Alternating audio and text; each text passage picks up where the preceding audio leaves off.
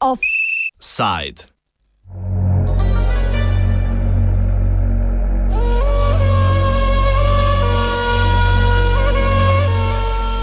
Med kladivom in nakovalom.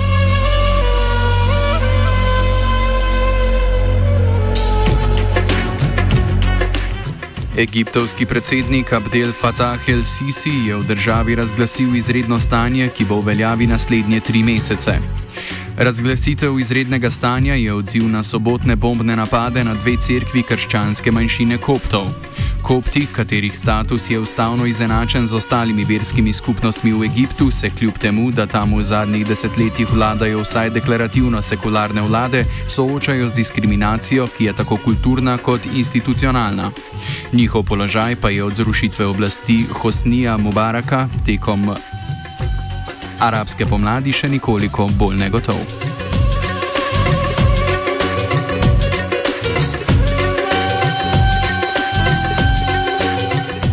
Kdo so kopti, pojasni Primoš Šterben z Univerze na Primorskem. Gre za monofizite, gre za kristijane, ki ne sprejemajo uradne razlage krščanstva, torej hipostatične unije, kar pomeni, da naj bi bil Jezus Kristus hkrati človek in Bog, ki imel hkrati človeško in božansko naravo, ampak vse od svojih začetkov v petem stoletju našega štetja priznavajo zgolj božansko naravo Jezusa Kristusa, zato jih je koncil vesolni crkveni zbor v Kalcedonu leta 451 obsodil. Torej niso pa zgolj ti kopti monofiziti, ampak naprimer tudi pomemben del sirskih kristijanov, ki so jakobiti. Kopti se kljub deklarativno sekularni naravi vojaških oblasti v Egiptu v zadnjih desetletjih soočajo z diskriminacijo. Gradnja ali le obnavljanje koptskih crkva je dovoljena le z dovoljenjem predsednika države oziroma guvernerjev posameznih pokrajin. Podobne omejitve pa ne veljajo za mošeje. Prav tako je otežena spreobrnitev v krščanstvo, medtem ko je obraten proces precej lažji. Kljub tem birokratskim omejitvam pa egiptovski bloger in samostojni novinar Wael Eskandar meni, da je najbolj problematična kultura, ki kopte predstavlja kot manj uredne. Well, first of all, uh, in order to understand the Coptic situation accurately, uh, we must understand that there is a culture of an inferior Copt that cannot function as a normal, equal citizen. Uh, that's embedded within, you know, the government and within society. And in light of that, uh, there have been restrictions uh, on uh, how the a Coptic person can exercise their rights as, uh, as, a citizen. So the rhetoric is that there is equality, but actually, uh, all the systems in place discriminate against Copts in some way, and um, it comes from uh, an idea and a culture of discrimination, but it's not presented that way. So, for example, uh, Copts are not free to build their own churches or even fix them.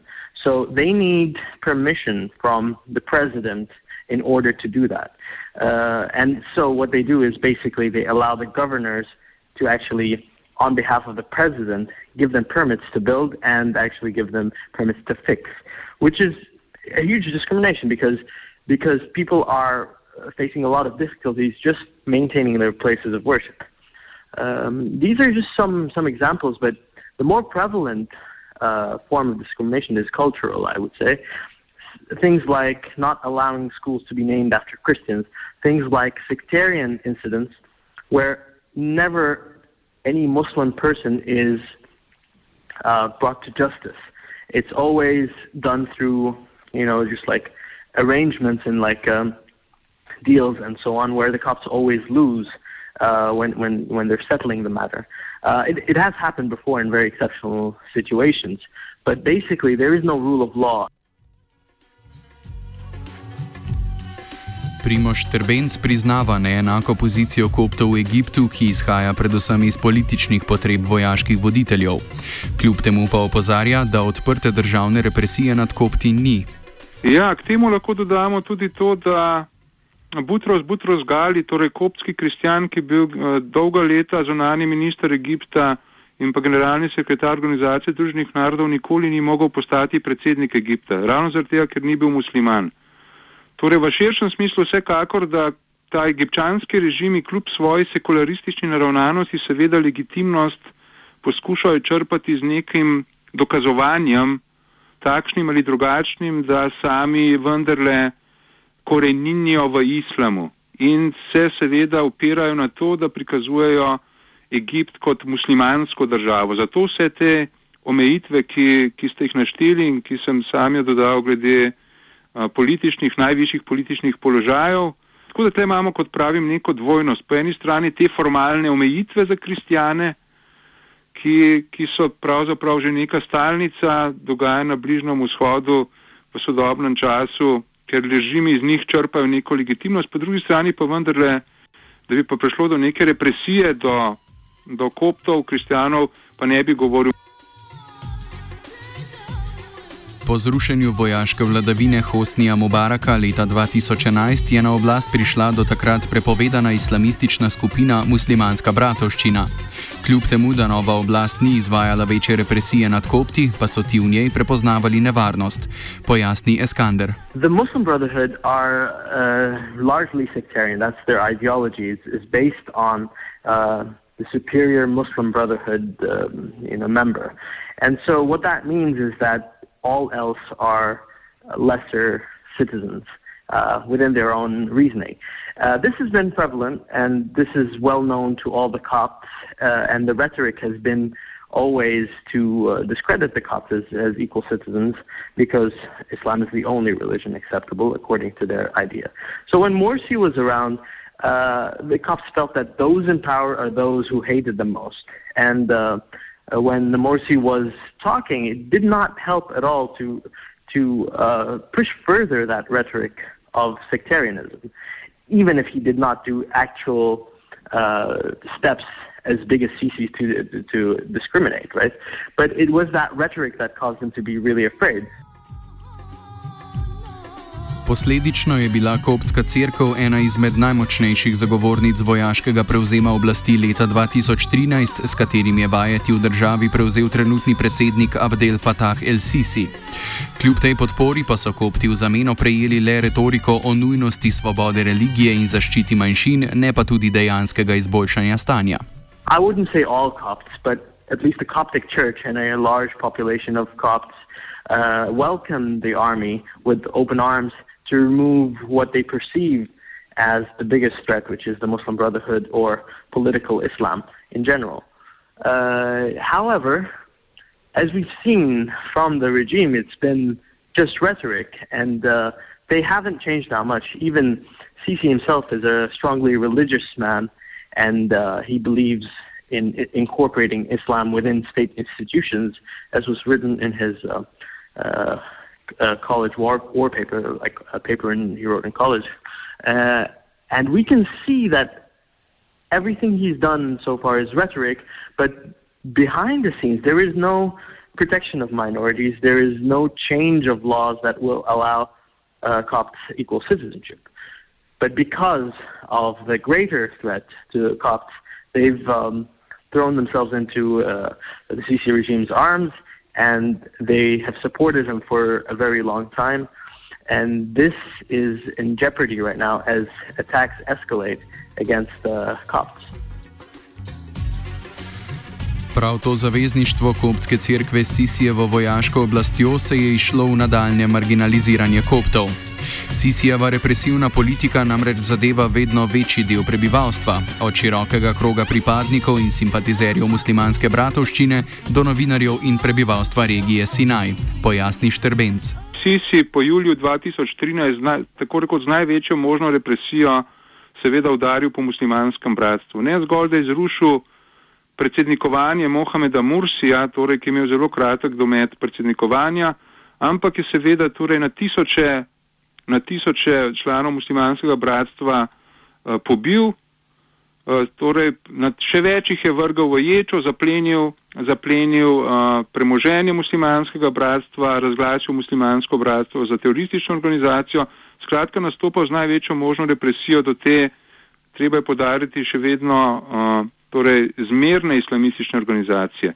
In pri tem, torej pri tem početju po letu juliju 2013 so kopti tako ali drugače ali eksplicitno ali pa saj implicitno stali ob strani Abdel Fatehu al-Sisiju. In glede na to seveda, da se zaradi politik Sisija nasproti muslimanskemu bratstvu zmeraj bolj, zmeraj bolj krepi, torej uh, sunitska identiteta pripadnikov oziroma simpatizerov muslimanskega bratstva in glede na to, da v percepciji dobršnega dela muslimanov, predvsem govorimo o islamistih v Egiptu, egiptovski režim vendarle velja za nekakšno podaljšano roko Zahoda, ki tako rekoč vse čas dobro, da sodeluje z Zahodom in hkrati sodeluje tudi z Izraelom, ki je percepiran kot podaljšana roka Zahoda na, na Bližnjem vzhodu. Torej, zaradi vsega tega uh, represija Sisija proti muslimanskemu bratstvu seveda krepi sovražnost do do koptov, ki so percipirani kot nekakšni kolaboranti pri skupnem napadu Sisija oziroma egipčanske vojske in pa Zahoda na sunitski islam. S takšno analizo se strinja tudi Eskander. Yeah, that's, that's uh, a very interesting angle because I've been um, trying to say this is that part of the reason why Copts are being targeted is because of how aligned they are with the Sisi regime. which is not a bad thing if he's just protecting them, but basically he is uh, committing atrocities against a lot of innocent people. And in that sense, they are supporting injustices. So they are viewed as more like representatives of Sisi in the church rather than representatives of the church in Egypt. So that makes them a very, very uh, vulnerable target because, of course, Sisi does not care so much about protecting uh, minorities despite his rhetoric. Uh, and they are viewed so much to be part of the CC uh, crowd, like our CC um, arm, really.